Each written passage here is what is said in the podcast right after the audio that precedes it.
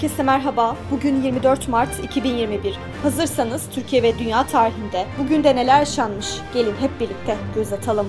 Dünya tarihinde bugün yaşananlar 1882 Robert Koch verem hastalığına neden olan bakteriyi keşfettiğini duyurdu. Bu buluşuyla daha sonra 1905 yılında tıp alanında Nobel ödülünü aldı. 1923 Yunanistan'da Cumhuriyet ilan edildi. 1933 Almanya'da şansölye Hitler 27 Şubat'ta gerçekleşen Reichstag yangınını sebep göstererek ülkede düzeni sağlamak adına kendine olağanüstü yetkiler tanıyan kararnamenin 24 Mart'taki kabulüyle diktatöryel güce ulaştı.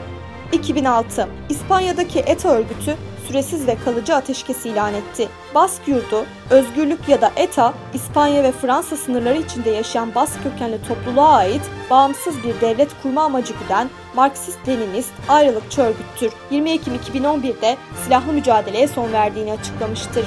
Türkiye tarihinde bugün yaşananlar 1394 Timur Lenk Diyarbakır'ı işgal etti. 1926 Türkiye'de petrol arama ve işletilmesinin devletçe yönetilmesini öngören kanun Türkiye Büyük Millet Meclisi'nde kabul edildi.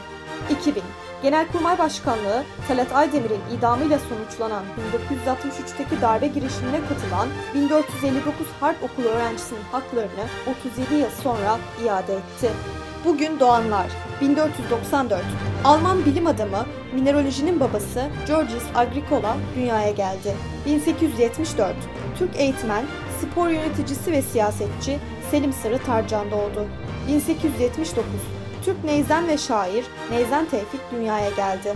Bugün ölenler 809 Abbasilerin 5. halifesi Harun Reşit vefat etti.